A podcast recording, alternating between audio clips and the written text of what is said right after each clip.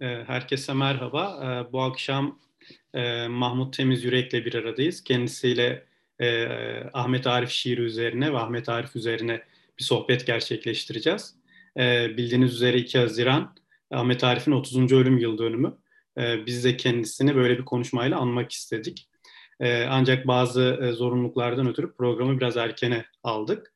Dolayısıyla soru sorulamamış olacak. Mahmut Bey hoş geldiniz. Merhaba Hasan. Ee, başlamadan önce ben biyografinizi paylaşacağım kısaca. Ardından da sohbetimize başlarız isterseniz. Ee, Mahmut Temiz Yürek e, Sivas, e, 1955 Sivas doğumlu. E, işçilik, editörlük, gazetecilik, danışmanlık ve öğretmenlik gibi meslekler yaptı. E, şiir türünde e, İz ve Rüya, Kırlangıcın Paranoya, Yeryüzünü Gezen Atlı, Yalan Gezen, Babil Cazcıları gibi kitaplar yazdı. Bununla birlikte deneme türünde göçebe buluşması, boşluktan doğan, İm bilse er ölmez Nazım Hikmet ile Don Quixote'nin arzu serüvenleri, e, Didem zamanı, Didem Madak üzerine e, ve Necati Gel, Oktay Rıfat ve İlhan Berk üzerine Üç Çınar isimli bir kitap kaleme aldı. E, Mahmut Temizürek 2012 yılında Altın Portakal şiir ödülünü yazdı ve bu e, ödüle istinaden e, Antalya'da Altın Portakal Sempozyumu düzenlendi ve bu sempozyumdaki bildiriler de kitap haline getirildi ve e, bir Mahmut Temiz Yürek şiiri kitabı da oluşturuldu bu vesileyle. E, isterseniz başlayalım Mahmut Bey. Ahmet Arif ile ee, bir, bir kitabımı e, unuttunuz e, Hasan. Onu e, çok önemsiyorum. E, kadınlar üzerine yazdığım bir kitap. E, ağıtlar üzerine yazdığım bir kitap ve şiir üzerine. Ağıt, şiir, kadın. Evet, 2019'da çıkan değil mi? Evet. Tamam. E, galiba e, Türkçe'de e, sanırım e, bu konuyu e, birleştiren ilk kitaplardan birisi olsa gerek. Ben öyle biliyorum. Tamam. E, o bakımdan bu kitabı e, hep böyle yani göz bebeğim gibi düşündüğüm için Tamam. Birazdan da ağıt konusunda konuşacağımız için o kitabı da hatırlatmak isterim. Tamam, teşekkür ederim. Ee, Edebi Şeyler yayınların yayın evinden çıktı, onu da ekleyelim. Ee, başlayalım isterseniz e, Mahmut Bey. Şimdi e, Ahmet Arif 1991'de aramızdan ayrıldı malum ama etkisini hala sürdüren bir şair. Etkisini kuşaklar boyu da sürdüreceğe benziyor muhtemelen. Ee, ve bu etki, bildiğimiz bu etki aslında ölümden çok çok önce başlamıştı. Ee, ancak burada ilginç bir paradoks da var benim gördüğüm. Ee, Ahmet Arif aslında halka mal olmuş, tam anlamıyla halka mal olmuş bir şair olmasına rağmen şiirsel düzeyde de e, çok büyük bir etki yaratamamış gibi duruyor. E, yani çok fazla kendisinden sonraya bir e, selef boyutunda bir e, etki bırakamamış gibi duruyor. Daha tekil bir örnekle karşı karşıyayız sanki.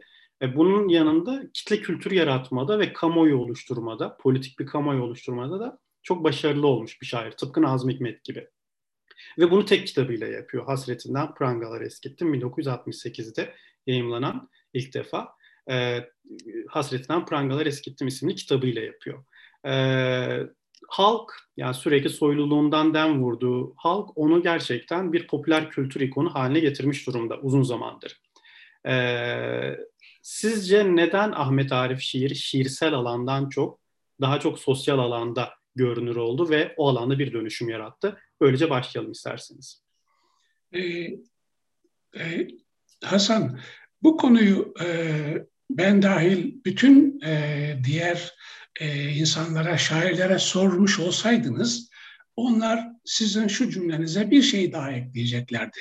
E, hani bir e, kitle e, kültürü bir konu haline geçirdi e, diyorsunuz ya. Ahmet Arif aynı zamanda bir şair ikonudur. Yani genel olarak şairlerin e, üzerinde anlaşabildiği bir şair ikonudur. Nasıl bir ikon? E, ya da şair ikonu ne demek? Bunun üzerine biraz duralım isterseniz. E, Nazım Hikmet'e kadar e, şair ikonları biliyorsunuz. Edebiyatı Cedide'nin e, bir ikonu vardı. E, böyle biraz e, mızıltıyla huzursuzluğunu belli eden, kendisini çok çok öne çıkarmayan, son derece e, duygusal e, Tevfik Fikret'in sisi hariç tabii. E, duygusal bir e, şiir karakteri, şair karakteri. Daha sonra Yahya Kemal ile birlikte başka bir kişiliğe büründü bu karakter. E, nasıl bir karakterdi bu? Bütün tarihin e, duygusunu kuşatmış ve e, artık tarih adına kendi toplumuna söz söyleyen bir e, e yetkeye dönüşmüş bir karakter. Nazım Hikmetli ise bütün bunların dışında ve bunlardan çok çok farklı kitlesinin karşısına çıkmış yani arzuladığı kitlenin karşısına çıkmış ve onlara gerçek bir kurtuluşun vaazını veren bir şair karakter ortaya çıktı. Sadece vaaz verme, vermiyor, aynı zamanda eylem içinde olan bir şair. E, bu karakter galiba uzun yıllar hemen bütün şairleri şöyle ya da böyle etkiledi. Korkuyla etkiledi çünkü böyle bir karakter e, rahat bırakılmaz bir karakterdi. E, 1930'dan itibaren başına gelmeyen kalmadı. 38'den sonra iyice kapatıldı. E, bir şair olarak iyice kapatıldı.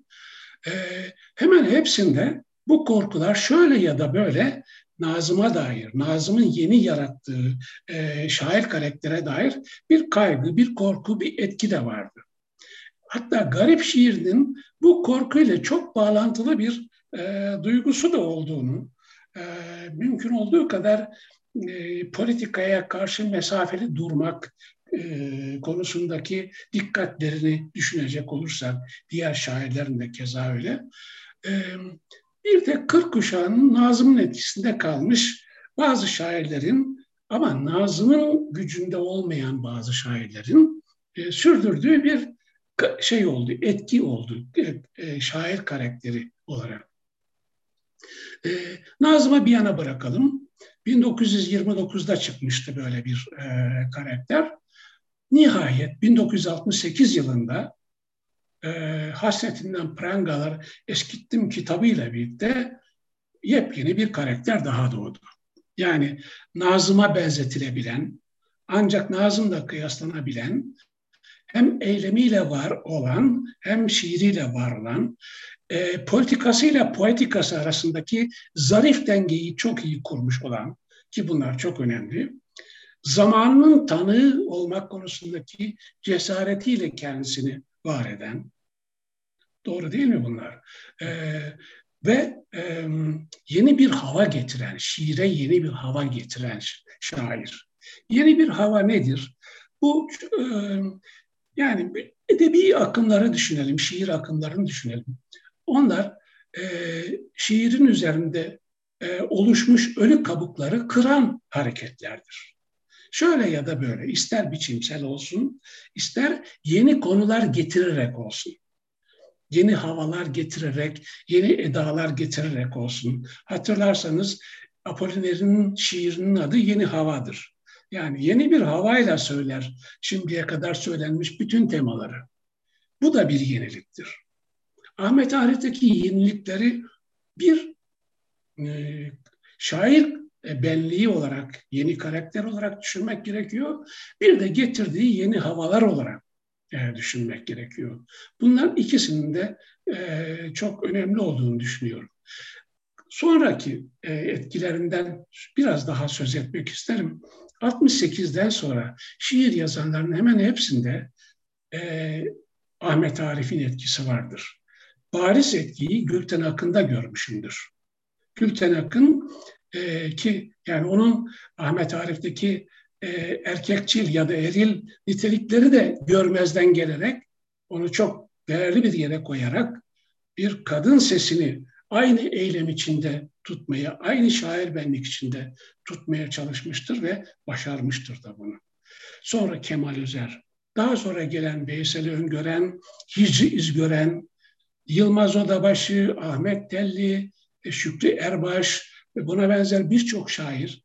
Yani bazı arkadaşlarım vardır bunlardan adını andığım bazı arkadaşlar vardır. Ezberlemek için duvarlara e, şiirlerini yazmışlardır. Uzun süre duvarlarda kalmıştır Ahmet Arif şiirleri.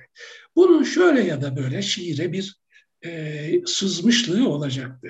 Fakat biz etkiyi çoğu zaman şöyle anlıyoruz e, Hasan. Onun gibi yazmak olarak anlıyoruz. Oysa şair e, ustası gibi yazdığında şair değildir. O bir taklitçidir. E, o endişeyi, etkilenmenin endişesini yaş- yaşayarak şair kendisini var eder. E, dolayısıyla bu etkiyi birebir görmek için Ahmet Arif üzerine biraz daha eğilmek gerekiyor galiba. Onun üzerine çalışmak gerekiyor ki çalışma çok az Ahmet Arif üzerine çalışma çok az. Yani saysam saysam 4-5 kitap çıkarırım en fazla. Ee, ve bazı birbirini tekrarlayan kısa yazılar çıkarır. Siz e, Gülten Akın deyince aklıma e, 42 gün şiirleri, Seyran Destanı, e, işte Ağıtlar Türküler bunlar geldi. Hakikaten orada evet. Ahmet Arif'in e, o halkçı damarını e, duyuyoruz. Halkçı damara yakın sesini duyuyoruz. Evet. Evet. E, Kürt şiirinde zaten çok bariz bir etkisi olduğu söylenebilir gerçekten ama e, buna rağmen ben gene de Ahmet Arif'in sesinin çok tekil kaldığını, belki tematik olarak e, kendisinden sonraya çok fazla etki bıraktığını söyleyebiliriz ama e, o lirik sesin e, yani hem halk, çok halk sesi yani çok halka ait bir ses hem de çok şiire ait şiirsel evet. bir ses. E, o lirizmi e, ben e, o kadar canlı biçimde belki işte Yaşar Kemal'de filan görmüşümdür. Ee, evet. Şimdi çok göremedim ama tabii ki e, hakikaten Gülten Akın'da, Hicri İzgören'de, Yılmaz Odabaşı'nda bu etkiyi görmek mümkün. Ee, söylediğiniz şeyi belki ileride konuşuruz diye e, konuya girmedim. Bir başka etkisi e, ya da bir geçirdiği bir başka şey diye adlandırayım Ahmet Arif'in. E, Yaşar Kemal'den de önce. Düşünsenize 1947'de yazıyor Rüstemo. Rüstemo bir tür İnce Mehmet e, modelidir. E, İnce Mehmet'i şiirde e, önce yaratmıştır bir bakıma. E, yani e, şeyden, e, baskıdan, zulümden, e, zorlamalardan, şundan bundan bıkmış, sömürüden bıkmış bir e, isyancının ortaya çıkış hikayesidir Rüstemo'daki karakter. Değil mi? Ee, şi, kitaplarını almamıştır bunu ayrıca ama e, bunun da ayrıca konuşuyoruz. Yani bir bakıma İnce Mehmet'i e, daha önce görmüş İnce Mehmet karakterini sosyal is, isyancı, Hobsbawm'un dediği sosyal isyancı karakterini e, daha önce görmüş e, bir şair aynı zamanda. Şairlerin ökeliğine dair Cemal Süreyya'nın e, vurgusu burada da belli oluyor. Romancıdan daha önce görmüşlüğüyle. Bir de şu var Hasan, bunu çok önemseyerek anlatıyorum. Yaşar Kemal, Ahmet Arif, Latife Tekin ve Salah Birsel Türkiye'deki Türkçe edebiyatta çok özel yerlere sahip insanlar. Bunlar sözlü kültürün, 50 bin yıllık sözlü kültürün yazıya geçişi sırasında o kültürün kaybolmaması konusunda olağanüstü gayret sarf etmiş ve bir yol bulmuşlar. Yazıda bir yol bulmuş insanlar. Ki bu e, çok az tartışılan, çok az konuşulan konulardan birisi maalesef. Örneğin şiir, örneğin roman e, tartışmalarında sözlü kültür etkileri ne dair neredeyse çok az şey e, duyuyoruz değil mi? Özellikle Türkçe'de. Yani bunlar yeni yeni açılacak, yeni yeni araştırılacak konular ki e, önümüzde yeni ödevler var. Ee, siz Rüstemo deyince aklıma Atilla İlhan'ın şiiri, Rüstemo şiirini Rüstem diye yayımlaması geldi. evet, galiba kadar... Paşa mülakatında ifade ediyordu Ahmet abi. Evet. O evet. kadar uyanıklığım var diyor. Atilla Han'a gönderirken e, işte düşünsenize 1924'ten sonra e, bu ülkede eşit yurttaş olmak için uğraşan e, Kürt halkı e, bir korkuyla da yaşamış aynı zamanda. Şairiyle, e, aydınıyla bir korkuyla da yaşamış. E, biliyorsunuz çok yakın kirvesi neredeyse evlerinde büyüdüğü Faik Bucak, Bucak 1966 yılında e, tıpkı 90'lardaki gibi faili meçhulle e, öldürülen aydınlardan bir tanesi. Çok yakını. Böyle düşünecek olursak o korkuyu o yıllarda da keza anlamamak mümkün değil. Fakat şimdi o korku da e, artık yırtıldı bir bakıma. E, yani bütün bunlarla beraber düşünecek olursak bunların öncülerinden biri Ahmet Arif. Evet. Bu da biraz orayı konuşalım istiyorum ben de. Ee, işte bu 33 kurşun çok hakikaten e, temel bir noktada, çok kritik bir noktada bu meselede, Kürt sorunu meselesinde.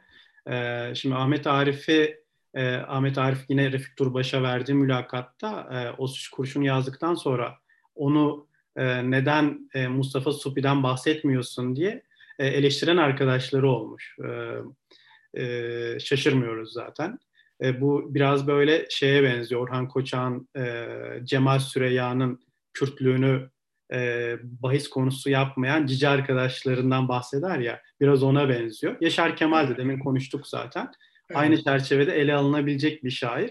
Yani Yaşar Kürt şairler, e. E, o, o da e, Kürt kimliğiyle tanınan ama o Kürtçe ile Türkçe arasında sıkışmış ve e, Kürt yani o edebiyatının Kürtçe kaynakları çok fazla gündeme getirilmemiş. En azından uzun bir dönem gündeme getirilmemiş.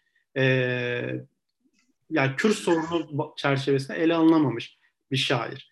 Yani e, Türkiye'de sol hareketin içinde de e, bu Kürt meselesini, Kürt kimliğini e, mevzu bahis etmeyen bir damar var.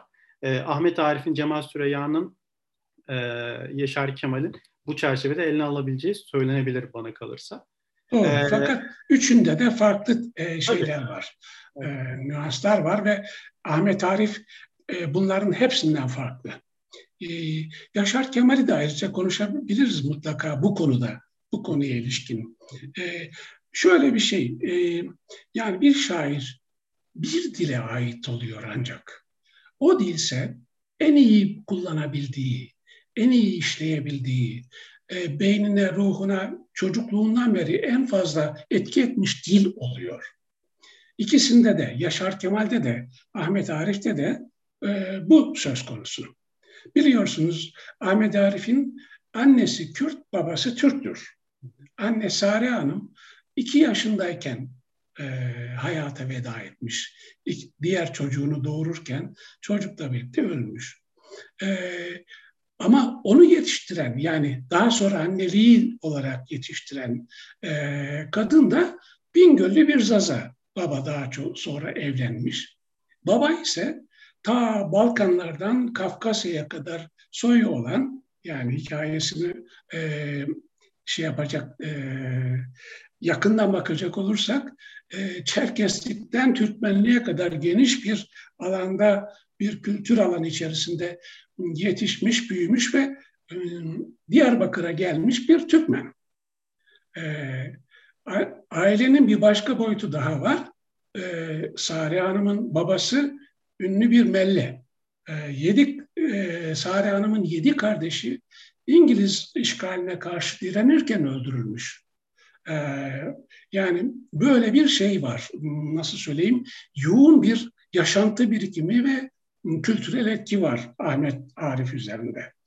Fakat baba e, ve e, çevresindeki insanlar e, Kurtuluş Savaşı'na katılmış olmanın gururuyla yaşayan insanlar ve işte eşit yurttaşlık hakkını hep Kürtler böyle savundu ya. Biz de bu e, vatan için kan döktük. Bir de biz de bu vatan için canımızı verdik, kanımızı verdik e, diye söylerler ki haklılar.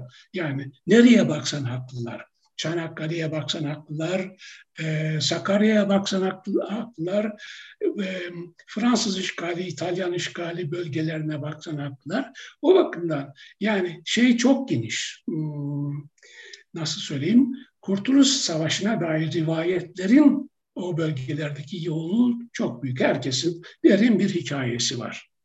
E, bu hikayeler içerisinde büyümüş bir çocuk düşünün, e, Ahmet Arif de düşünün. E, üstelik Diyarbakır'da arkadaşlarına uyup da okuyamayacağı için Afyon Lisesi'ne gönderilmiş bir e, çocuk. Afyon Lisesi'nde muhteşem cumhuriyetçi hocalarla karşılaşmış. Cengiz Akıncı e, bir tanesi, bir tanesi Cahit Bey matematikçi.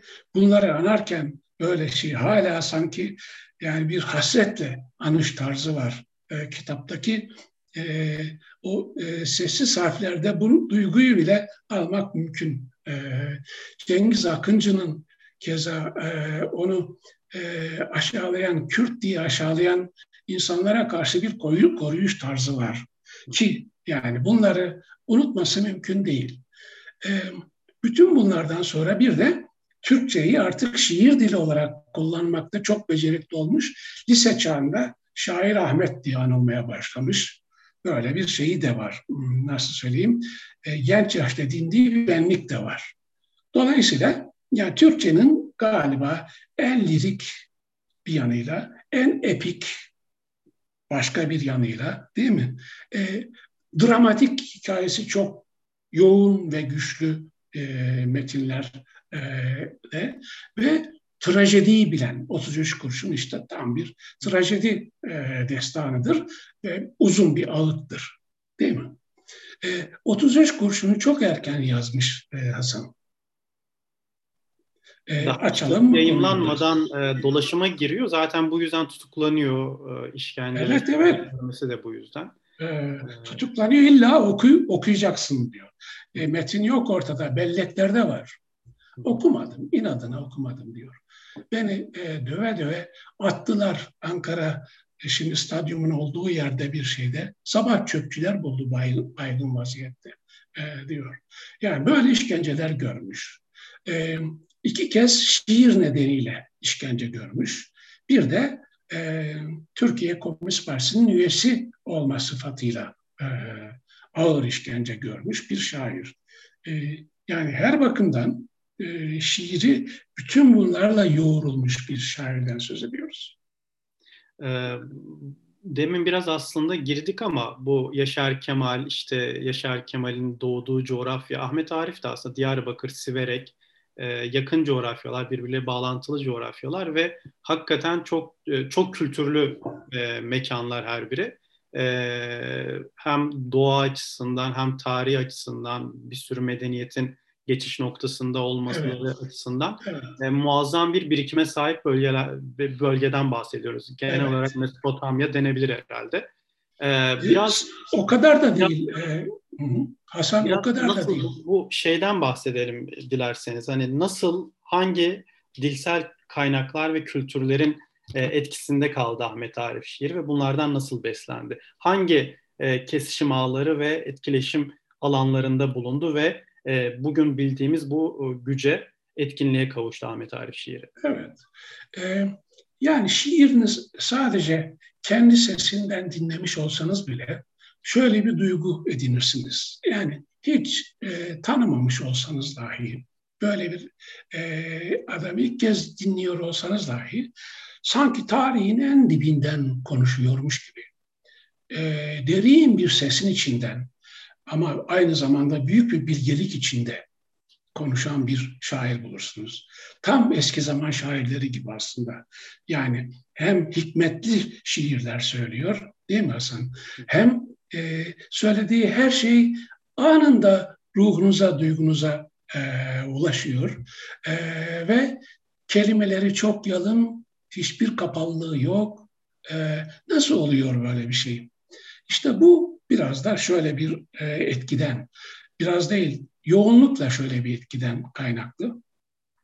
E, o bölge, kendi yetiştiği bölge, e, ailesi, çevresi, arkadaşları filan sözlü kültür dediğimiz o yoğun birebir etkileşimin yani aramızdaydı söz e, der ya hani kutsal kitaplarda başlangıçta söz vardı ve söz aramızdaydı. Hep Söz arada yaşanmış. Üstelik söz daima kıymetli ve kutsal bulunmuş. Yani mesela sık sık vurguladığı yiğit, yiğitlik, mertlik, namus gibi kavramlar hepsi söz üzerinedir aslında.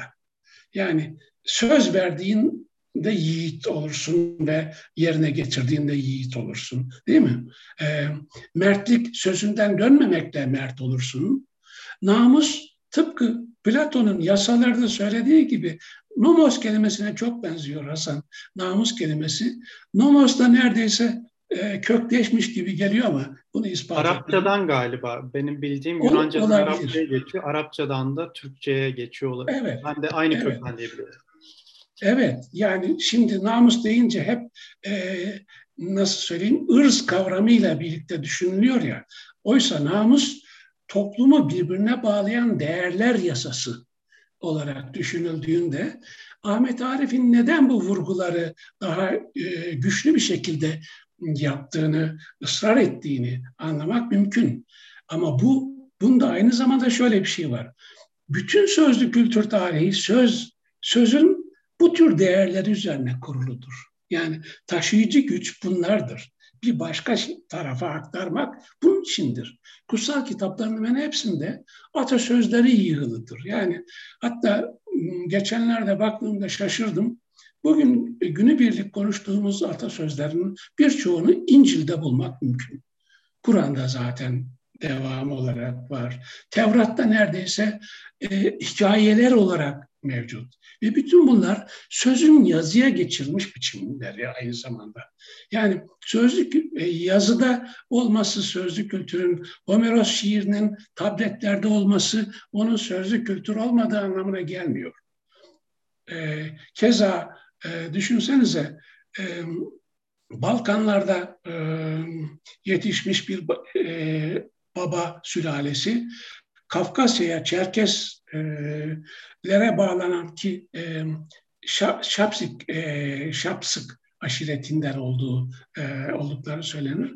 Bir aile ve bütün bunlar Mezopotamya'da Kürt bir aileyle buluşuyor. Bu ama Kürt ailenin ilginç boyutları var. İşte e, Siverek'le oynarken e, arkadaşlarıyla 7-8 yaşındayken e, bunları izleyen üç tane adam iddiaya girer Ahmet Arif'i göstererek. Bu çocuk Kürt der bir tanesi. Bir tanesi der ki hayır bu çocuk Arap. Hayır der öbürü üçüncüsü. Bu çocuk Saza. Beş lira bahse, beş lirasına bahse giderler. Esnafa sorarlar orada bir esnafa sorarlar. Ne e, Arap ne Kürt ne Zaza. Bu çocuk Türk de, der e, şey. Çünkü babayla bilinir. Babanın adı önemlidir bilirsiniz. E, hala öyle. Bütün toplumlarda öyle. Babanın adı geçerli. Babayla bilinir. Fakat işte birbirlerimizin dillerini biliyorduk oynarken diyor. Arkadaşlarım Arap'tı, Zaza'ydı, Kürt'tü e, filan. Hep beraber rahatlıkla oynayabiliyorduk diyor. E, bu dillerin birbirine geçişkenlikleri hikayelerde de böyle.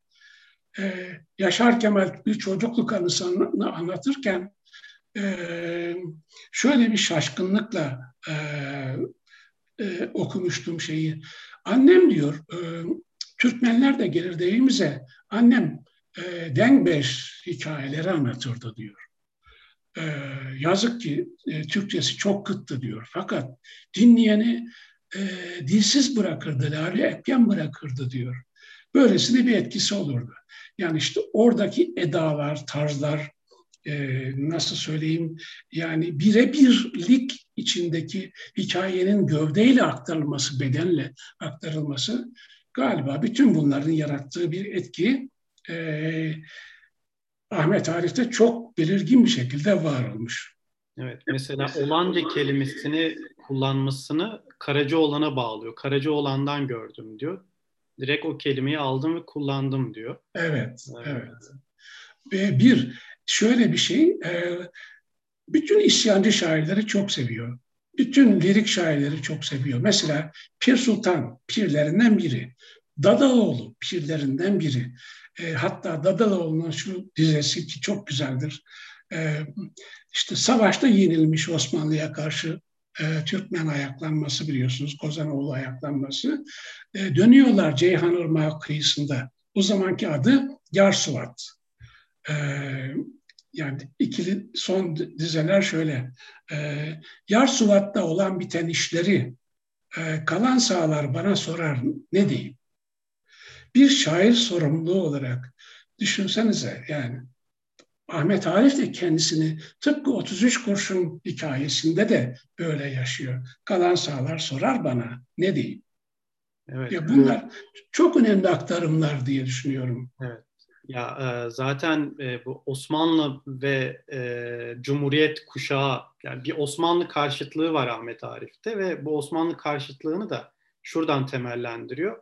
E, Osmanlılardaki daha bu patronaj geleneği ve padişah merkezli o tarih anlatısı, egemenlerin tarihi anlatısı yerine daha ezilenlerin e, diliyle, ezilenlerin evet. e, işte yaşadıkları deneyimleri, halkın e, isyanları vesaire bunlara kulak kabartan bir şairi görüyoruz.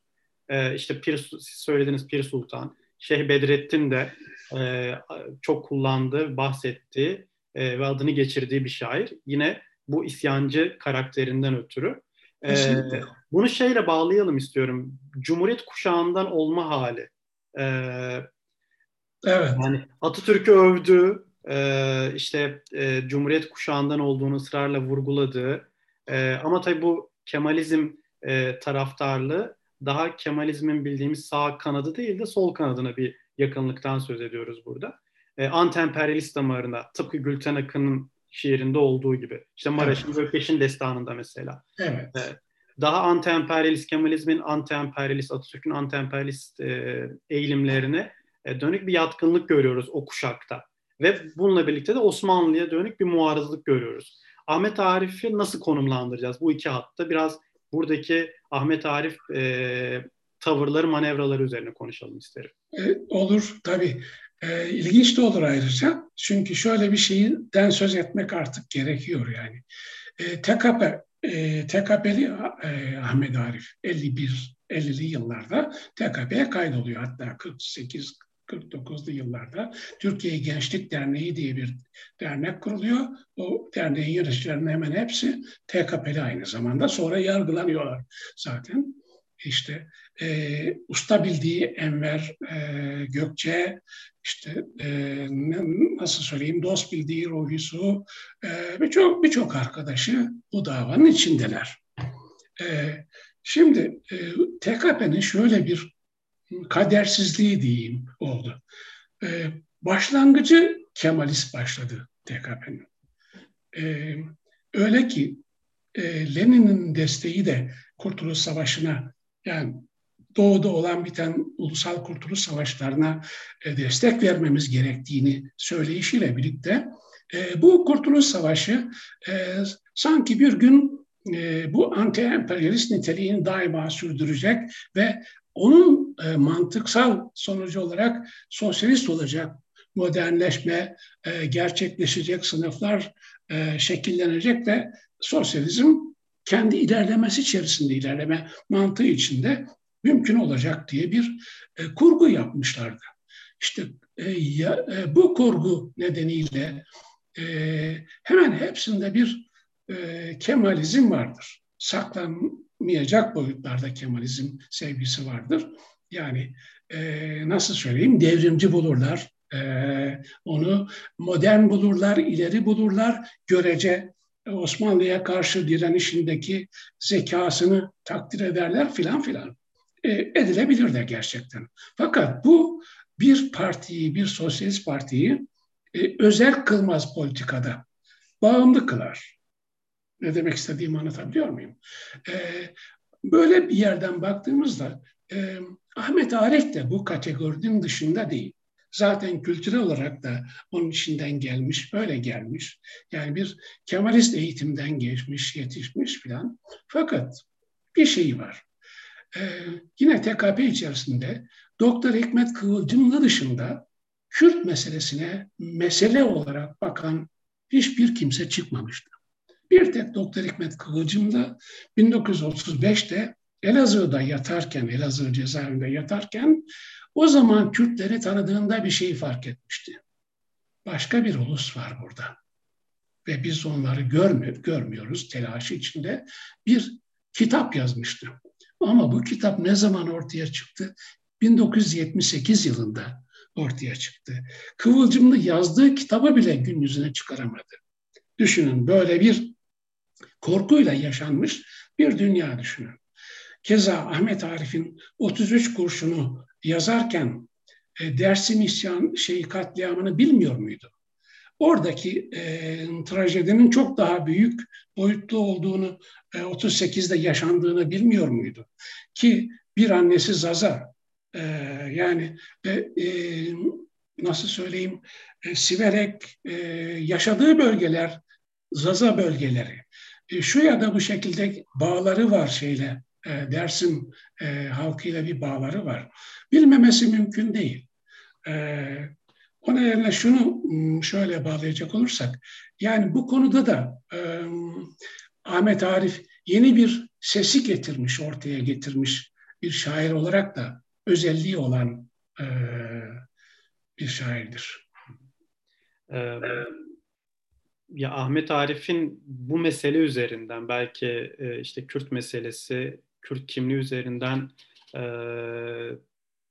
tanınmaya başlaması ve böyle bir kamuoyuya, kamuoyuna hitap etmeye başlaması sanki biraz böyle 70'lerin sonuna, 60'ların sonuna doğru biraz Türkiye'deki sol hareketlerin de e, daha farklı meseleleri ele almaya başlamalarıyla işte alternatif tarih tartışmaları, atütler vesaire evet. e, bunların ortaya çıkması, e, büyük doğum mitingleri, e, işte 80'e giden süreç e, buradan e, Ahmet Oktay'ın tespiti sanki biraz doğru gibi geliyor bana da. Şey diyor ya 68'den itibaren nasıl e, Ahmet Oktay, şey Ahmet Arif şiiri e, bir tanınmayla karşılaşıyor ve kendi kitlesini de e, kitlesine de sonunda ulaşıyor, okuruna da sonunda ulaşıyor. Bunu da işte e, Türkiye'deki edebi kamunun dönüşmesiyle açıklıyor Ahmet Oktay. E, Ahmet Arif üzerine yazılan e, tek kitap e, ya doğru dürüst tek e, kitaplardan birinde Karanfil evet, Pranga'da.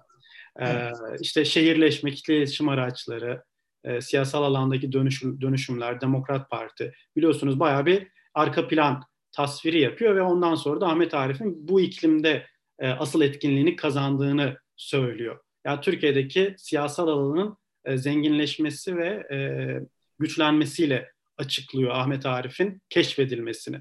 Ama bir yandan da Ahmet Arif her kuşak tarafından e, tekrar tekrar keşfedilen ve her kuşak tarafından yeni tanınmalara muhatap bırakılan bir şair ve, ve Ahmet Arif'in şiiri böyle bir şiir. E, bunlar hakkında ne söylersiniz? Biraz bunlar üzerine konuşalım. Şimdi e, ya zaten e, konu ister istemez buraya gelecekti ama e, bir şeyi e, vurgulamak çok önemli olacak. Bu şiirler e, 19 tanedir. İlk hasretinden prangalar eskittim e, kitabında var olan şiir sayısı 19 tanedir. Daha sonra e, eskileri de alarak 26 taneye e, çıkardık ama e, bu şiirleri.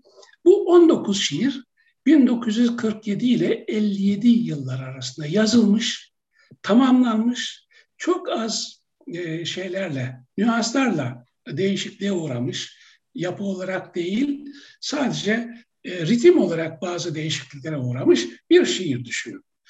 E, 57 yılından 68'e kadar 11 yıl beklemesinin nedeni neydi e, diye sormak gerekiyor. Ve Behçet Necatigil'in biliyorsunuz e, hem şairler için hem şiirler için bir tür e, şeyi vardır, burç okumaları vardır. Evet, hasret, e, gurbet burcu. Evet, her şiir kendi zamanını bekler e, der. Gerçekten böyle bir gerçeklik var. Yani toplumun o şiiri çağırması gerekiyor. Ee, daha, daha bir başka boyutuyla söyleyelim. 1929 yılında e, Nazım Hikmet'i toplum çağırmamıştı. Ama 1960'tan sonra Nazım adeta gürül gürül çağıran bir e, toplum oluştu. E, düşünün. E, yani 38'den sonra kitapları yasak, şiiri yasak, gizli gizli okunur ve küçücük bir çevrede okunur. 1963 yılında Yön dergisi ek olarak e, Kuvayi Milliye Destanı'nı bastığında e, Mümtaz Soysal diyor ki bekliyoruz şeyde hmm, büroda bizi gelip götürsünler. Yani götürecekler. Gelmedi kimse diyor. Ama artık toplumda yani Nazım'ı karşılayacak bir güç var. Ee, yani Türkiye İşçi Partisi kurulmuş. iki yıl sonra 15 milletvekili çıkaracak kadar bir toplumsal güç edinmiş filan. Yani her tarafta bir e, nasıl söyleyeyim e, geri kalmışlığın, geri bırakıttırılmışlığın e, sesi yükseliyor ve gençler parlamış bu arada. Gençler hayatlarında hiç olmadığı kadar büyük bir parlayışı ve büyük bir inisiyatifi ortaya koymaya başlamışlar. Ve bu inisiyatifte Ahmet Arif'in sesi, Nazım Hikmet'in sesi bütün seslerin üstüne e, gelmiş. Yani şiir sesi olarak. Düşünsenize e, gençlik hareketi hem bütünüyle gerçekçi bir hareketti hem de romantik hareketti. Yani aşkı, sevdası, ne bileyim ideallere, tutkuları, destansı boyutlarda arkadaşlar da 68 kuşağının insanları. İşte böyle bir şi- şair karakteriyle buluştuklarında kendilerini tamam hissetmişlerdi. Ee, bir başka şey Ahmet Arif'in söylerken e, önemli vurguladığı köyden kente e, göçün de bunda çok rol oynadığı söylenir ama e, ilginçtir. E, 60 o yıllarda e, e, Kürt diyarlarından göç değil, daha çok İç Anadolu göçleri öndeydi. E, şeyde şehirlere yönelik e, Sivas, Yozgat, Çorum, Tokat filan böyle bölgelerden göçler şeydi. E, daha sonra özellikle 80 sonrasında e, Kürt göçleri e, daha baskın hale geldi e, büyük şehirlere. E, kaldı ki Ahmet Arif bütün bunlardan önce e, Kürt bölgelerinde belleklerde dolaşıyordu e, Hasan. Yani 33 kurşunu ezbere okuyan birçok bir insandan söz edilir. Ya bu şiirler e, yazıya, kitaba geçmeden önce, kitap olmadan önce zaten e, bellek haline gelmiş şiirlerdi. Yani bellekte yer etmiş şiirlerdi. İşin ilginç tarafı e, bu şiirleri yayınlayacak bir yayın evi bulamadığı için de gecikmişti. Sadece Ahmet Arif'in korkusu, kaygısı değil, yayın evi bulamamıştı. Yani arkadaşı Cemal Süreya bunları 67 yılında, 66 yılında basmaya karar vermişti. O bile bir Ahmet Arif kitabı çıkararak hatta o, o bile çıkaramadı böyle bir kitabı. Biyografi ee, yazacak galiba. Ne Biyografi, zaman çıktı? 68'de. Değil mi? Efendim? Bir Cemal mektuplaşmalarında Efendim? E, Cemal mektuplaşmalarında e, Cemal Süreya ile e, Ahmet Arif'in mektuplaşmalarında bir biyografi hazırlığı olduğunu görüyoruz ama biyografi yok. Cemal Süreya Ahmet Arif'in biyografisini yazıyor galiba. Yok. Ama yok. E, kitap evet ciddi bir kitap çalışması var. Yok çıkmadı ortaya. Hı hı. Ya neden çıkmadı? Bu e, Cemal abinin biraz dağınıklığından da olabilir.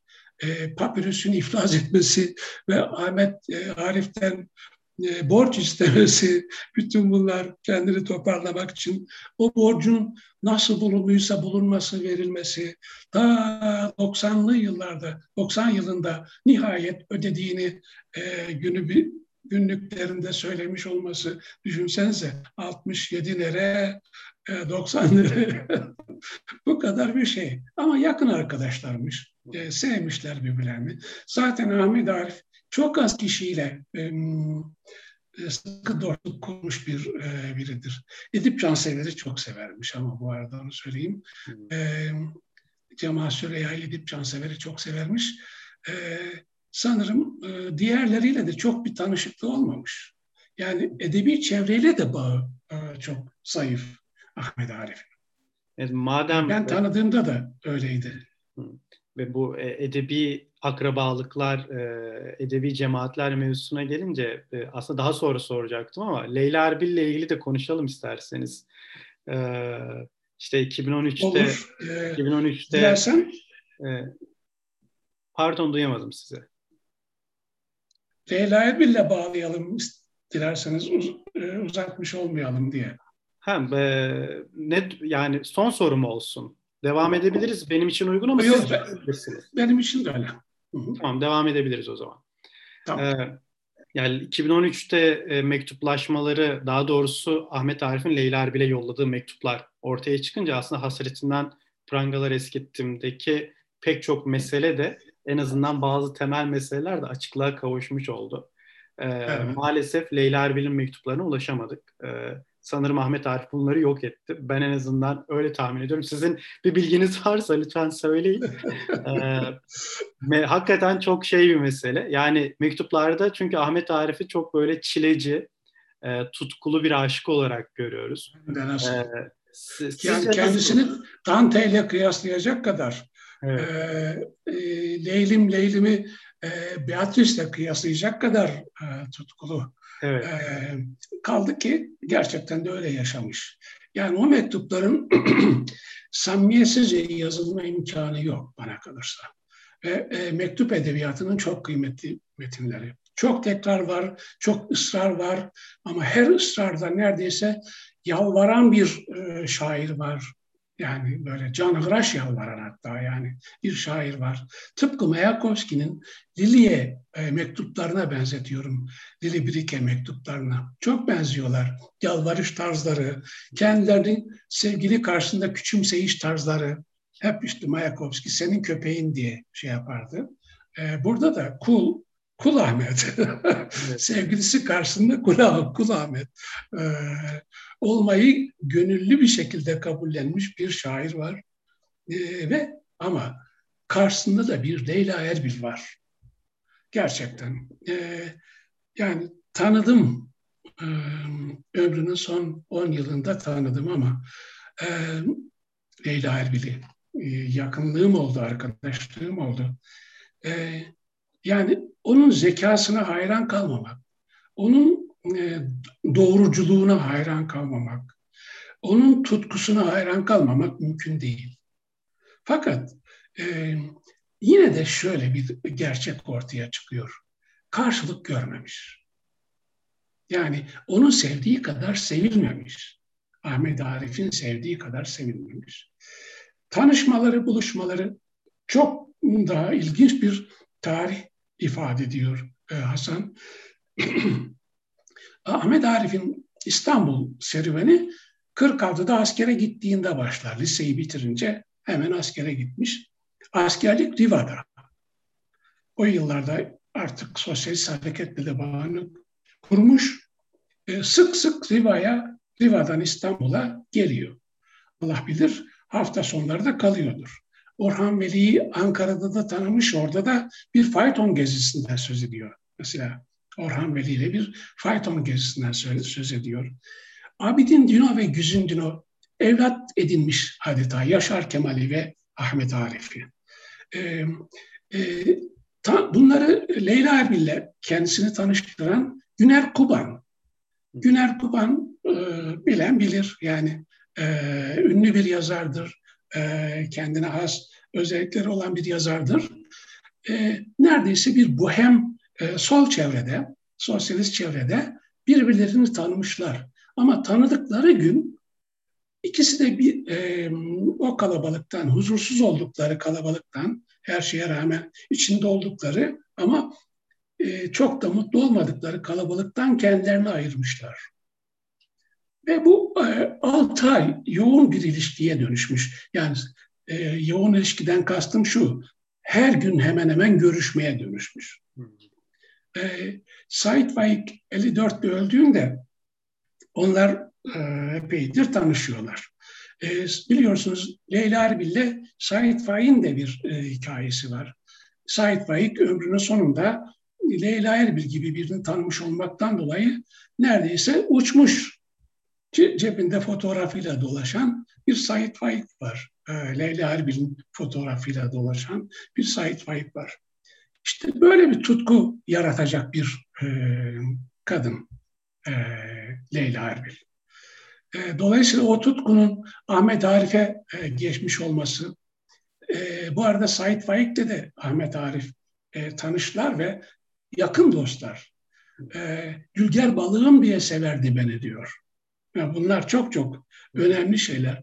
Yani yeniden bir şey yazmak gerekiyor galiba. Yani Türkiye'de edebi çevrelerin hikayesini yeniden yazmak gerekiyor bu şeyden sonra. Leylim Leylim mektupları çıktıktan sonra. Evet. E, Leyla Erbil etkisi olmamış olsaydı e, büyük oranda bu şiirlerin e, e, yoğun antuzvazmını bulamayacaktık e, Hasan. Muhtemelen bu lirizm karşımıza çıkmayabilirdi. Belki de evet. Çünkü e, e, yani söyleyene değil söyletene bak derler ya. Gerçekten söyleten aşk e, her aşığı, her şairi söyleten aşktır. Yunus'u da söyleten aşktır. Hatta Yunus'u tanrısal aşk olarak söylemiş söyleyişindeki samimiyetine hayrandır Ahmet Arif. Yani böyle bir iştenliği e, bulmak ister aş, aşkında. Böylesine bir tutkuyu bulmak ister.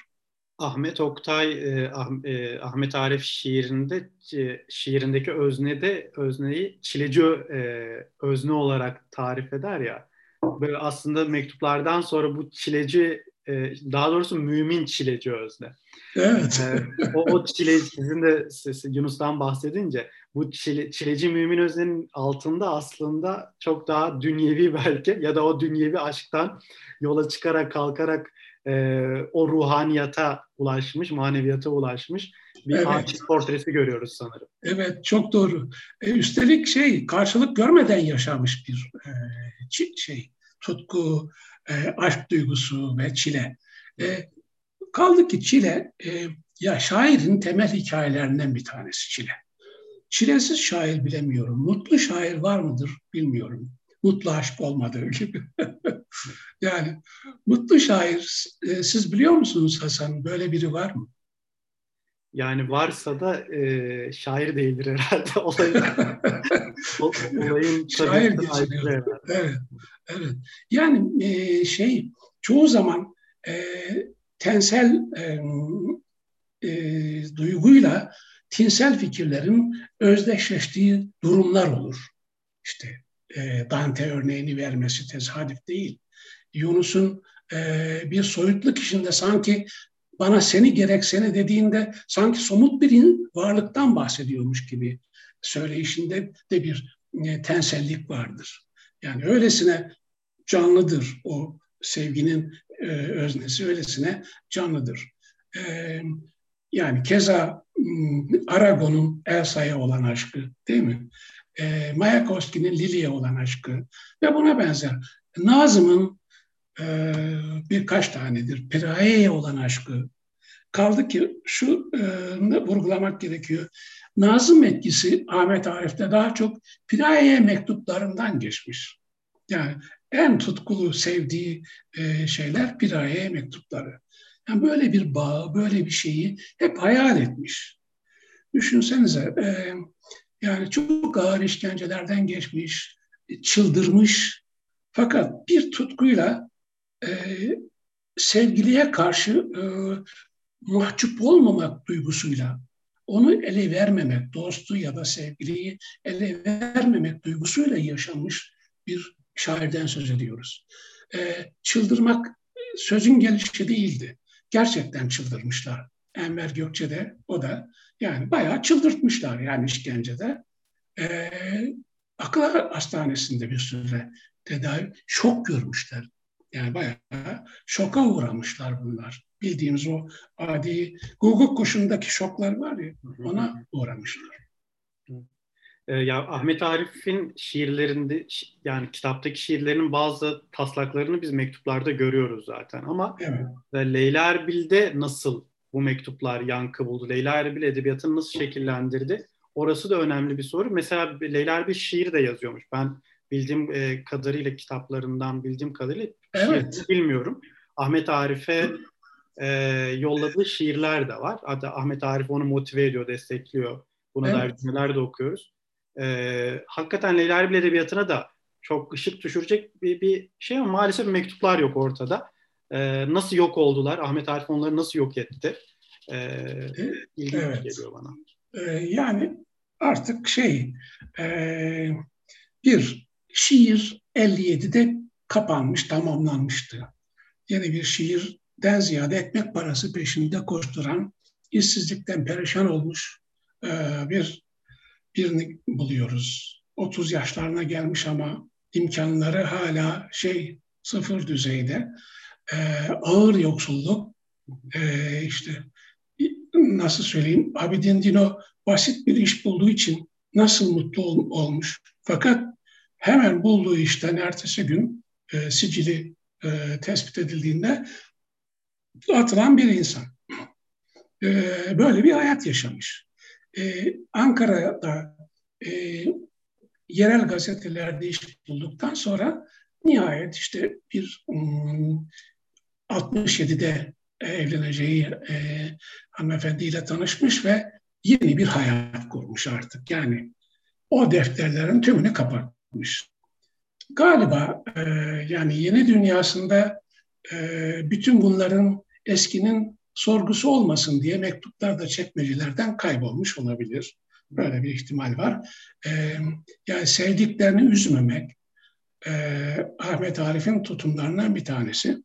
E, şuraya gelelim. Sorunuzdaki asıl can alıcı taraf şurası. Leyla Erbil edebiyatının etkisi nedir bunun diye sormuştunuz ya. E, söylemiştiniz. Bir kere e, başlangıçta şiiri beraber neredeyse üretmeye başlıyorlar. Suskun şiiri neredeyse beraber yazdıklarını sanacağımız tarzda bir şiir. Ee, daha birçok şiir öyle. Ee, hemen hepsinde fikrini soruyor. Büyük ihtimalle o da fikirlerini söylüyor. Ee, Leyla Erbil de başından beri yani edebiyat dediğimiz yeni olan şeydir. Ee, eskiyi tekrarlamak değildir. Edebiyatçının yeni karakteridir edebiyat aynı zamanda şairin yeni karakterdir şiir aynı zamanda. Böyle bir bilinççi vardır. Yani e, daha sonra ayrışan işte metinle e, şey şair, e, yazarla e, metin ayrımları o yıllarda yoktu. Zaten gerek de yoktu. Çünkü yazdıkları o kadar çok kendileriyle özdeş şeyler olmuştu ki. Mesela Leyla Erbil Edebiyatı'nda o hikayelerin hemen hepsinin karşılığı olduğunu, somut karşılığı olduğunu biliyorum. Ama asıl büyük hikayesi yani roman çapında da diyebilirim bir novellası Eski Sevgilidir. Eski Sevgili'deki hikaye neredeyse birebir Ahmet Arif mektuplarının e, hikayesi e, Hasan. E, yani bazı yerler değişmiş sadece bazı durumlar değişmiş. Çünkü o da büyük ihtimalle şeyi gözetiyor. Kendi artık yeni dünyasındaki bu e, mektubu ya da bu şey, e, öyküyü okuyacak insanların algısını gözetiyor. Dolayısıyla bazı şeyleri değiştirmiş. Fakat orada bir e, Nigar karakteri var. E, bir Salih karakteri var ki Ahmet Arif ile Leyla Erbil'in ta kendisi. Bu e, öyküyü, bu uzun öyküyü şimdi yeniden okuduğunuzda oradaki mektup yeniden mektuplar yeniden canlanıyor. Oradaki şiir yeniden canlanıyor. Fark şurada. E, Ahmet Arif bu öyküde e, şair değil, bir gazeteci. E, Gazete yani, çıkarıyor zaten. Salih tipi bir gazeteci.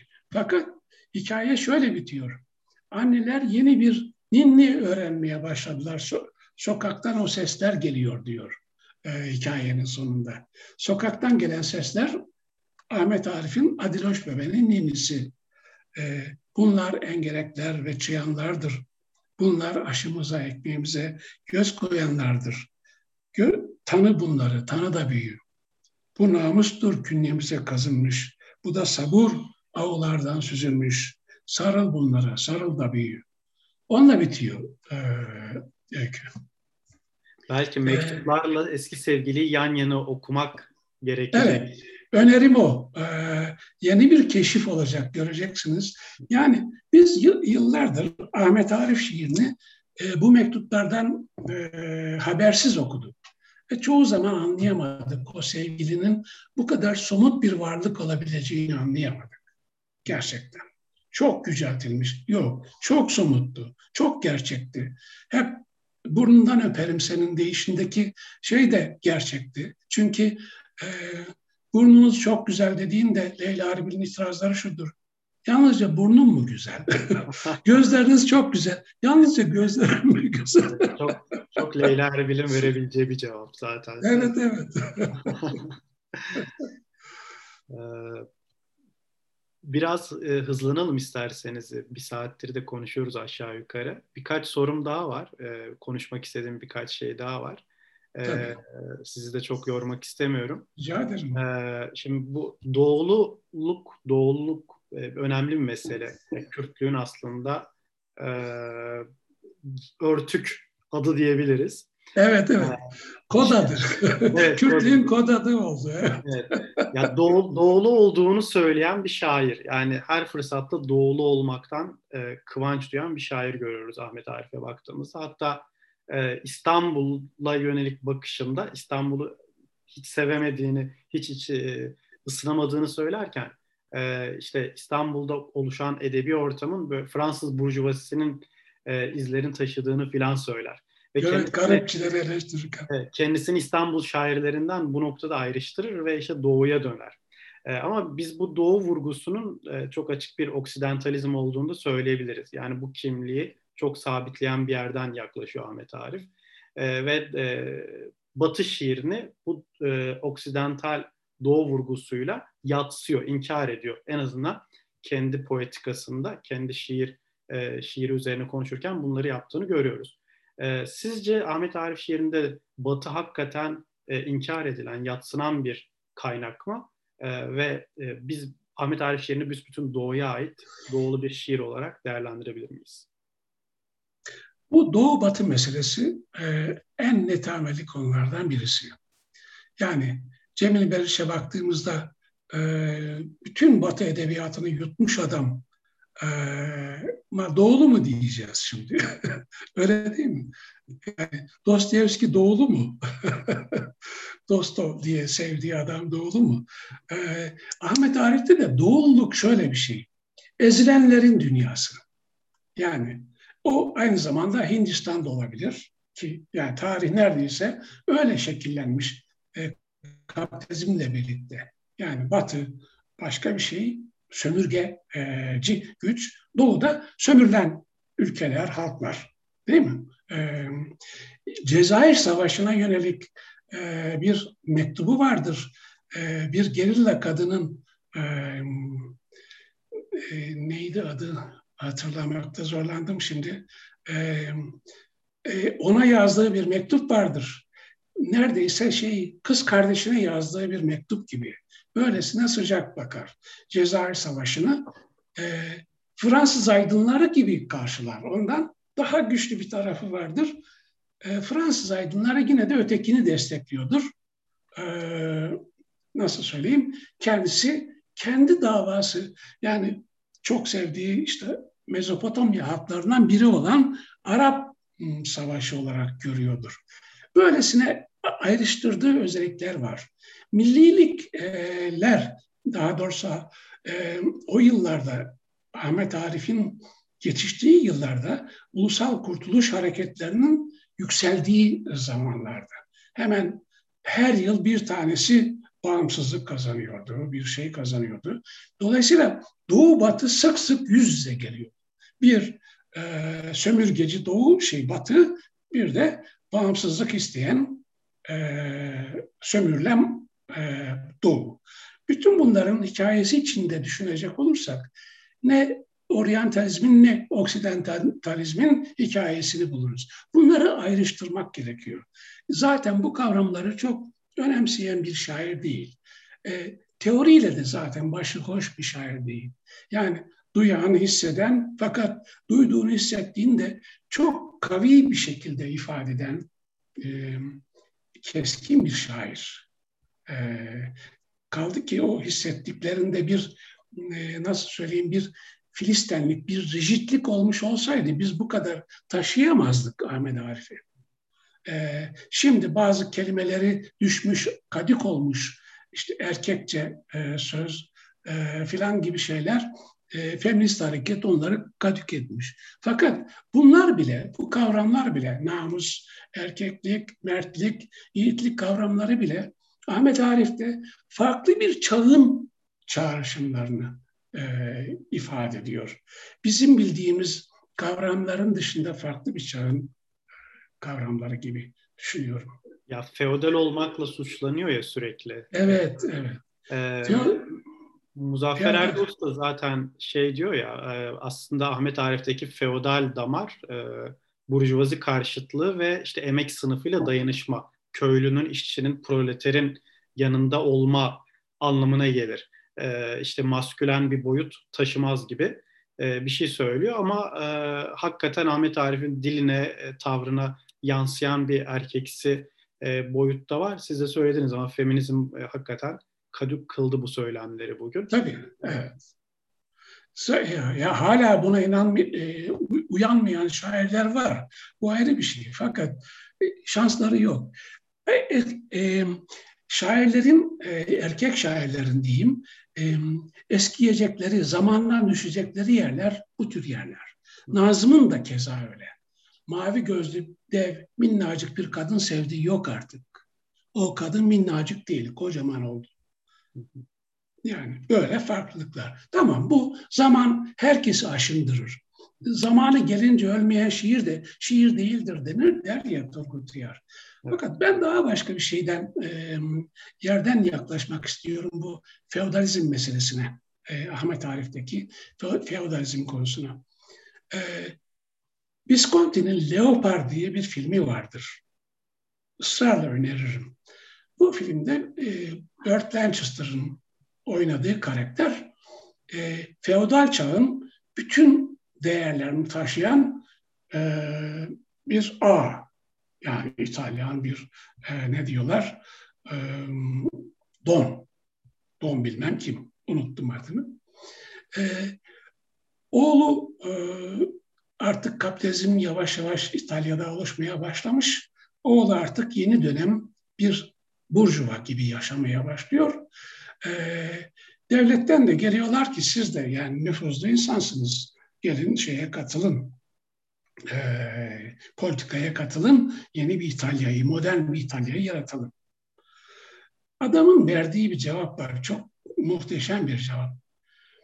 Benim çağım tükendi ve sizin size uymak istemiyorum. Şimdi buradaki soyluluk da bir soyluluk değil mi? Feodal soyluluk anlamında bir soyluluk. Yani Fransız aristokratların da böyle e, tutumları olmuştur mutlaka. Fakat Ahmet Arif'teki e, soy kavramı aşiret soyu. Yani feodalizmden önceki toplumların, e, toplum biçimlerinin hikayesi var. Feodalizm değil. Yani Ahmet Arif överse A'ya karşı savaşan bir Rüstem oyu över. A'yı övmez. A'yı yüceltirse e, bey paşaları yüceltmez. Tam tersine. Şifre buyuran paşanın e, öldürdüğü köylüleri söyler. Aşiret insanlarını söyler. Kirveleri söyler. Böyle bir gelenek. Yani Don Quixote'un altın çağındaki bir şey vardır. Aşiret çağı vardır. Ee, Ahmet Arif'in e, zihninde, dünyasında. Dolayısıyla onu feodalizmle indirgemek hep bir hatamız olmuştur. Hata olmuştur bana kalırsa. Ama hayır, daha da öncesinde yani bugün komünal toplum diyebileceğimiz birçok özellikleri barındıran toplum biçimlerinin içinden e, gelişen bir fikri taşıyan, modern çağı taşıyan bir e, şair olarak görmek daha doğru geliyor. Üstelik Anadolu şiirinde de görülür, daha başka şiirlerde hep tarihten aldığı bir mirası sürdürmek ister. Spartakist mesela onun için çok önemlidir. Yani neredeyse bütün ım, gerillacılığın simgesi gibi görür e, Spartaküs'ü. Böyle bir yerden baktığınızda ne köleci toplumun ne feodal toplumun içine ona ait onun bir şeyi olmuş, sözcüsü olmuş, şairi olmuş birini bulmak mümkün değil. Yani Biraz çok, sev, böyle, çok sevdiğim Fuzuli bile değil, e, böyle olmamaya gayret ediyordu. Aklıma İbni Haldun'un asabiye kavramı geldi. Acaba asabiye ha, bağlamında çok... düşünülebilir mi Ahmet Arif'in aşiret, evet, e, evet. Kan, kan bağı ya da o, o harmoniyi, organik ilişkiyi sürdürmeye dayalı ritüeller, davranış e, örüntüleri, bunlara duyduğu güven ve bunları kapitalizmin o metalaştırıcı, insanları atomize edici, birbirinden ayrıştırıcı e, mekaniği yerine ön plana çıkarmaya çalışması belki organik topluma olan hasretiyle de ilişkili. Harika. Çok güzel ifade ettiniz. Benim e, sözüm kalmadı e, Hasan. Çok gerçekten. E, yani böyle baktığımızda yedi askı şairlerinin ya şiirlerinde taşınan asabiye duygusu o e, nasıl söyleyeyim aşka verdikleri değer, kadına verdikleri değer, ne bileyim hmm, şairin eşitlik duygusuna verdiği değer, buna benzer şeyleri de taşıyan bir e, şair. Orta Doğu halklarının bütün mitolojilerinde bu yok mudur? E, aklıma gelmişken söyleyeyim. Nazım'la kendisini karşılaştırdıklarında kullandığı bir kavram var çok önemli. E, diyor ki işte diyorlar ki ya Nazım gibi bir şair bulduk sende bir. Hayır diyor. Nazım çok büyüktü diyor. Ya hidrojen bombasıyla kıyaslanabilir Nazım'ın büyüklüğü. Yani bir şiddet anlamında, şiirsel şiddet anlamında. Ben olsam olsam bir Kürt hançeriyim diyor. Fakat Kürt hançerinde ki bütün Orta Doğu halkları bilir bir özellik vardır. İnanırlar buna. Şeytanı kovabilen, şeytanın korktuğu tek silah. Kürt hançeri. Bütün bunları taşımayı ısrarla sürdürmüş, özenmiş bütün bunlara. E, yani tarihten gelmiş, tarihin bir yadigarı gibi için içimizde olan bir şair. Nazım modernizmin ta hemen e, en yüksek noktasından girmişti şiire.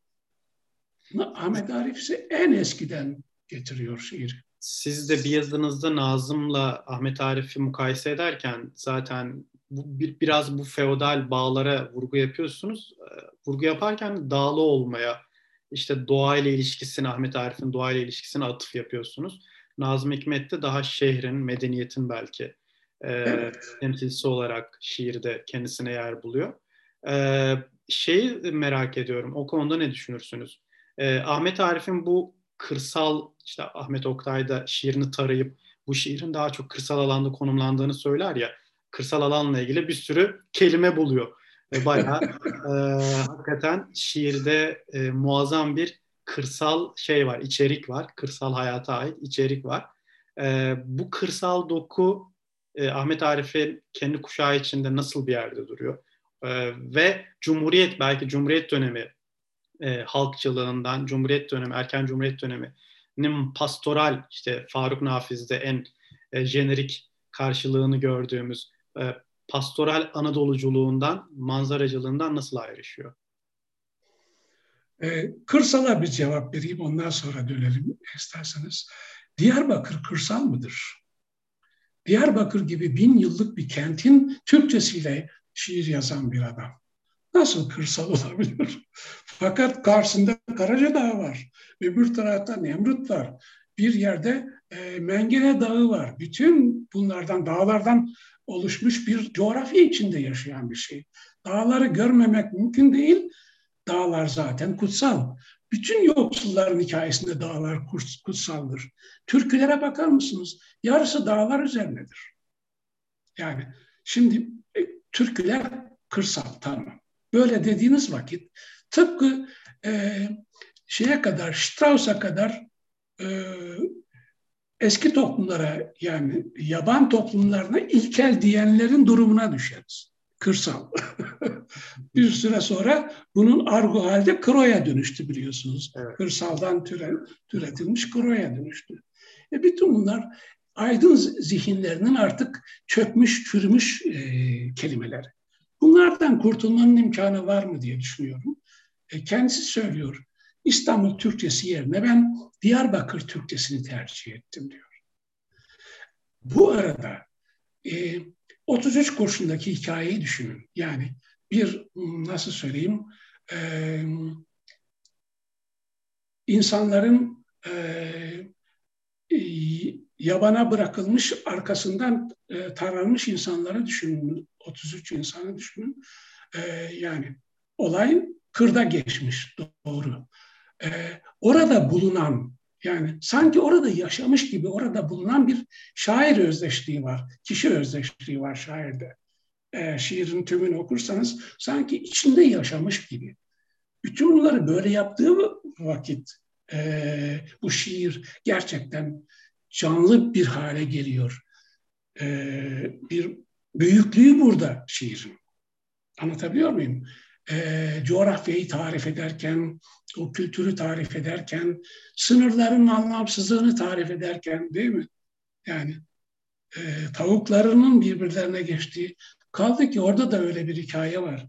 Yani İran e, sınırıyla Türkiye sınırındaki halklar birbirlerinin akrabaları.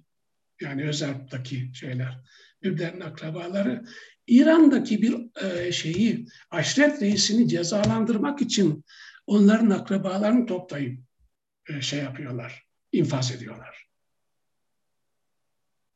Böyle düşündüğümüzde yani bütün bunları hissederek yaşayan bir şaire kırsal demek bana doğru gelmiyor. O zaman e, kara yılanı e, efendim e, Kurtuluş Savaşı'ndaki e, destan e, hikayelerini e, deki Nazım'ı düşünecek olursan her birinin kılığına giriyor neredeyse kahramanlarının kılığına giriyor.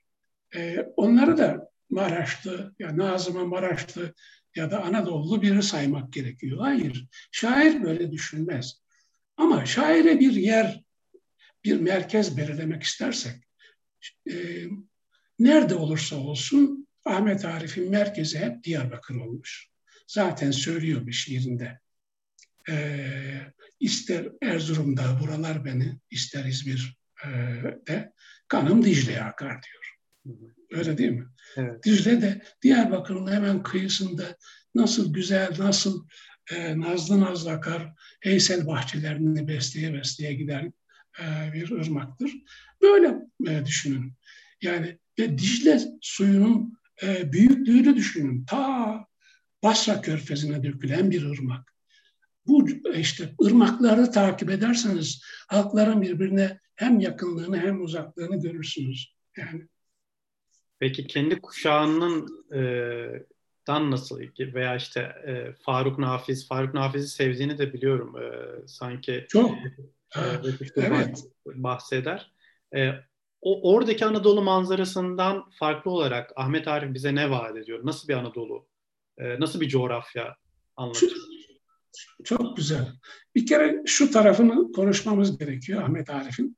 E, batı'dan nasıl etkilendi? Yani deminki Doğu Batı şiirinde. Bir kere dünya şiirini o yıllara göre takip etmek konusunda azami bir gayretleri var. Leyla Erbil'den ısrarla şiir çevir diyor. Neruda, Neruda'yı konuşuyorlar, er, e, Aragon'u konuşuyorlar, e, Eluard'ı çok seviyor. Yani nasıl söyleyeyim, o dünyanın sosyalist şairlerin hemen hepsini biliyor. Okumuş ya da çevrildiği kadar okumuş. E, dünyalarını biliyor. O şairlerin kafalarında nasıl bir dünya var onu diyor. Bir yanıyla yani e, nasıl söyleyeyim tarihe maddeci gözle bakan bir şair olduğunu unutmamak gerekiyor e, Ahmet Arif'in. Bir de yerel boy tarafını unutmamak gerekiyor. Ama bu yerellik şöyle e, Hasan. E, yani Faulkner'ı e, Amerika'nın güneyinden nasıl koparamazsınız? Joyce'ı Dublin'den nasıl koparamazsınız?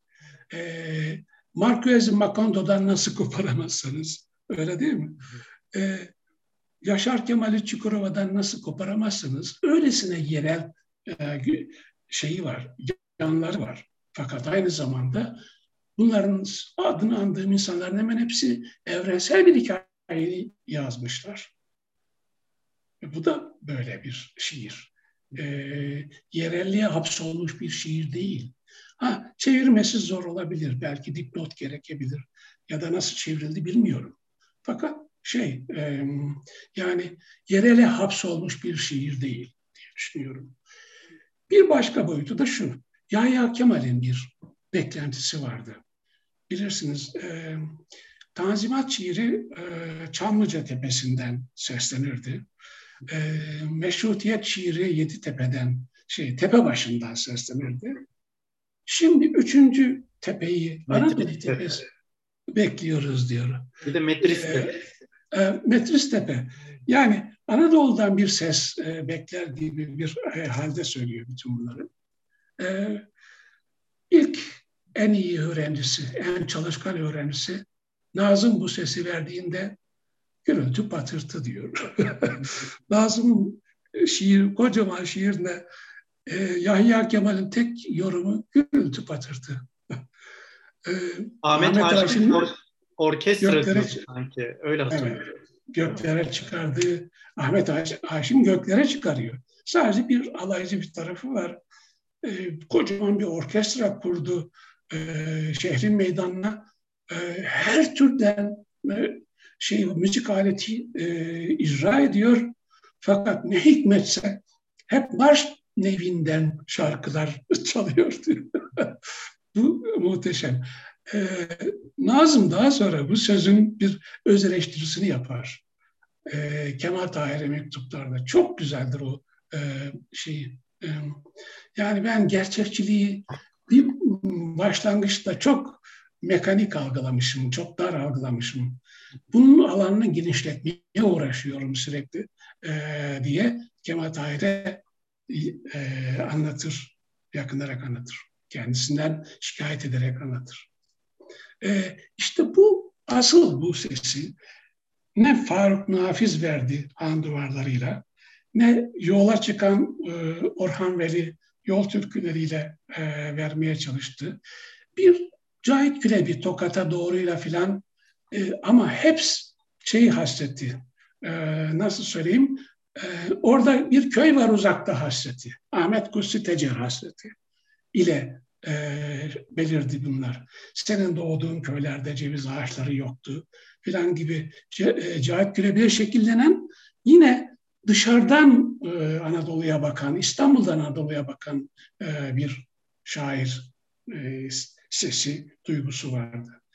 Ahmet Arif'e kadar gerçekten e, bu bu kadar içeriden yani ne diyorlar organik e, oradan doğmuş bir ses oluşmadı. Evet. Ee, biraz da bu e, işte bu organik ilişki sağlayan e, o deneyimleri yaşamasını imkan sağlayan şehirlerle ilgili konuşalım isterseniz. Sonra da e, bu son soru olsun. Siverek, e, Diyarbakır'dan söz ettiniz. Belki orayı biraz daha açmak istersiniz. Diyarbakır nasıl tevarüs ediyor Ahmet Arif şiirinde? Biraz Sivere'yi de, Ankara'yı da, Ankara'yı konuşmadık hiç. E, İstanbul'a da biraz e, dolandık etrafında ama biraz şehirler üzerinden konuşup isterseniz tamamlayalım. Olur. Tabii. Bir kere Siverek e, muhteşem çocukluk hikayeleriyle dolu bir e, kent olarak, e, ilçe olarak, dedi kasaba olarak aklımda kalmış. Aşiret çağının bütün özelliklerini de e, görmüş, yaşamış, deneyimlemiş hatta e, bir dönem. Siverek o bakımdan asla unutamayacağı. Bir de çoğu kirveleri olmuş yani o e, aşiretlerin e, birçoğuyla kirve. E, babası e, nahiye müdürü Siverek, nahiye müdürü, Harran'da da vekil kaymakamı. O bölgede Arap, e, e, Kürt, Zaza, e, belki Süryani, belki e, daha başka halkların e, şeylerini de e, yaşamıştır, tanımış, bilmiş olabilir. E, böylesine zengin, çok kültürlü, çok halklı, çok dilli bir bölgede yetişmiş olmanın e, bir şeyi var, hmm, ayrıcalığı var e, Siverek deyince aklına gelen şeylerde. E, ondan sonra ama Afyon'da ise muhteşem bir edebiyat ortamı var. E, Afyon'da Nazım Hikmet'i daha çok okuduğu yer Afyon. Niye? E, ilginç bir şey. Nazım Hikmet kitapları fiilen yasak ama halk evlerine gönderilen kitapların hiçbiri kaybolmamış. Daha çok öğretmenler onları şey yapardı, aydınlar yürütürdü onları. E, yırtılmamış, atılmamış, gömülmemiş, yakılmamış o şiirleri oradan okumuş. E, o yıllara kadar yani 38'e kadar basılmış olan e, şiirleri. E, Faruk Nafiz'i e, Ahmet Muhip Dranası e, çok severek okumuş Ahmet Muhip Dranası. Yani e, bütün kendisinden önce gelen şairlerin hemen hepsini içten içe deneyimlemiş e, hocası Ce, e, Akıncı, Cevdet Akıncı. Gündüz, Gündüz Akıncı. Gündüz, pardon. Gündüz Akıncı Sokağı'nın da çok büyük etkisi var. E, bir de her yerde Kürt olduğunu unutturmayacak şekilde ona davranmışlar. E, işte bir kavgasından söz eder Afyon'da. E, ne de eşek Kürt demiş bir tanesi. Çocuklardan bir tanesi. İşte bu okulda bu olayın yani gereken cevabı vermiş de okulda bu olayın nasıl yankılandığını, hocaların ona nasıl sahip çıktığını, e, onu nasıl yani iyileştirmek için e, çaba sarf ettiklerini yani o bir nasıl söyleyeyim bir onda bir travmaya dönüşmesin diye çocukla da barıştırmışlar daha sonra. E, böyle şeyleri yaşamış e, Afyon'da. E, her bir şehrin onun e, hayatında çok ciddi bir şeyi var. Ankara ise daha farklı. Ankara işte askerden sonra üniversiteye geliyor. Dil Tarih Coğrafya Fakültesi'nde. E, Güzin Dino Fransızca hocası. Şansa bakar mısınız? Üstelik çok yakınlaşıyorlar. Evinden çıkmaz oluyor bir süre sonra. Nusret Hızır felsefe hocası. Nusret Hızır'a dair bir hikayesi vardır Refik Turbaş anlattığı. Ee, 33 kurşunu, ha bir de Ahmet Arif'in şiir okuyuşu er, efsane. Yani çok güzel okur zaten e, dinleyen e, din, dinlenebilir. E, Nusret Hızır e, Ahmet Arif okudukça ağlarmış. E, yani duygulanır ağlarmış.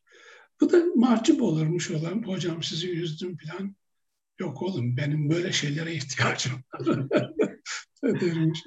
E, ama buna rağmen diyor hiç şiirim hakkında bir şey demedi, bir şey yazmadı diyor. Bekliyormuş bak, bakar mısınız? Sonra e, yani o Karanfil Sokağı şiiri ne kadar muhteşemdir ki bir dönem Karanfil Sokağı Ankara'daki aydınların da evlerinin, mekanlarının olduğu yer. Ee, Sabahattin Ali'nin evi e, Karanfil Sokak'ta. Düşünsenize. Şimdi Dost Kitap Evi'nin olduğu yer Sabahattin Ali'nin yaşadığı ev.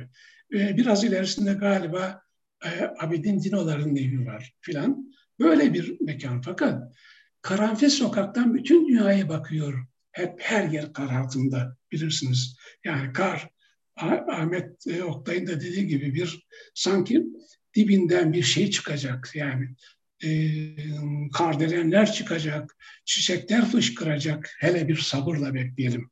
Zaten bu da sabır ağlardan süzülmüş değişindeki o sabır da bu.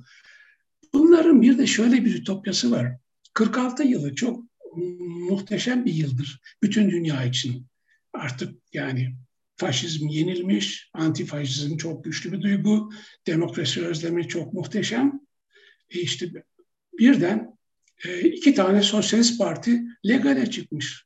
Türkiye Sosyalist Emekçi Köylü Partisi ve Türkiye Sosyalist Partisi, e, Müstecaplıoğlu'nun partisi. Öbürü Şefik Üstün'ün partisi. Şimdi Böyle iki parti ve çevresinde bir sürü dergiler, yayınlar, şunlar bunlar. Herhalde Türkiye'nin en canlı, cıvıl cıvıl e, zamanları gibi bizim barış dönemine benzer, barış açılımı dönemine benzer bir döneme benziyor o yıllar. Fakat hemen ardından Amerikan e, şeyi e, ne derler e, vesayeti e, şeye, ülkeye hükmetmeye başlıyor. E, işkence teknikleri bile Amerika'dan öğrenilmiş. Onlara Amerikan bağı dedikleri bir bağla işkence etmişler. Ee, Ankara bu yanıyla böyle. İstanbul iki boyutuyla böyle çok acı, yani çok şiddet dolu e, bir e, zaman hapishane ve işkenceler ama bir de aşk var.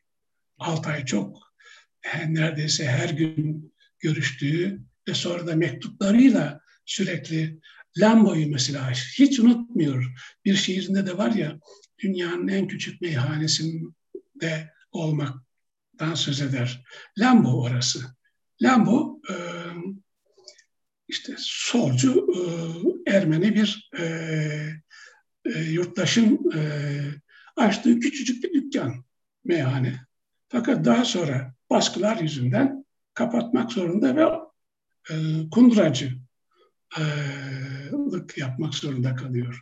Mesela bütün bunlar unutmuyor. Bütün bunların kederini yaşıyor. Yani daha sonra öğrenmiş Lambo'nun bu halde olduğunu.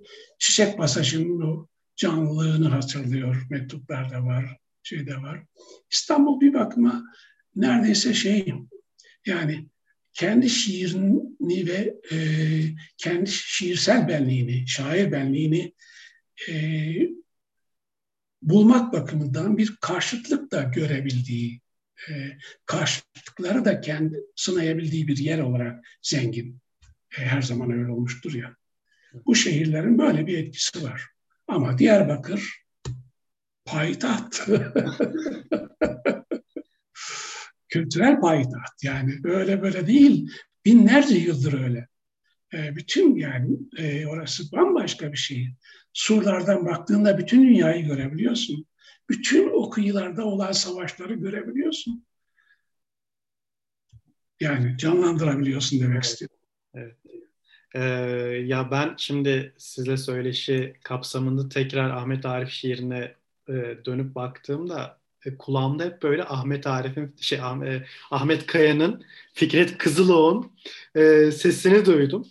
E, belki size de oluyordur ara ara. E, evet, veya tabii. Ahmet Arif'in kendi şiirini okuması. Evet. E, e, hakikaten böyle çok hayatımıza girmiş bir şiirden bahsediyoruz. E, biraz böyle eski günleri hatırladım tekrar. Ben de Harika. ee, Anmak da zaten bunun evet, için. Evet.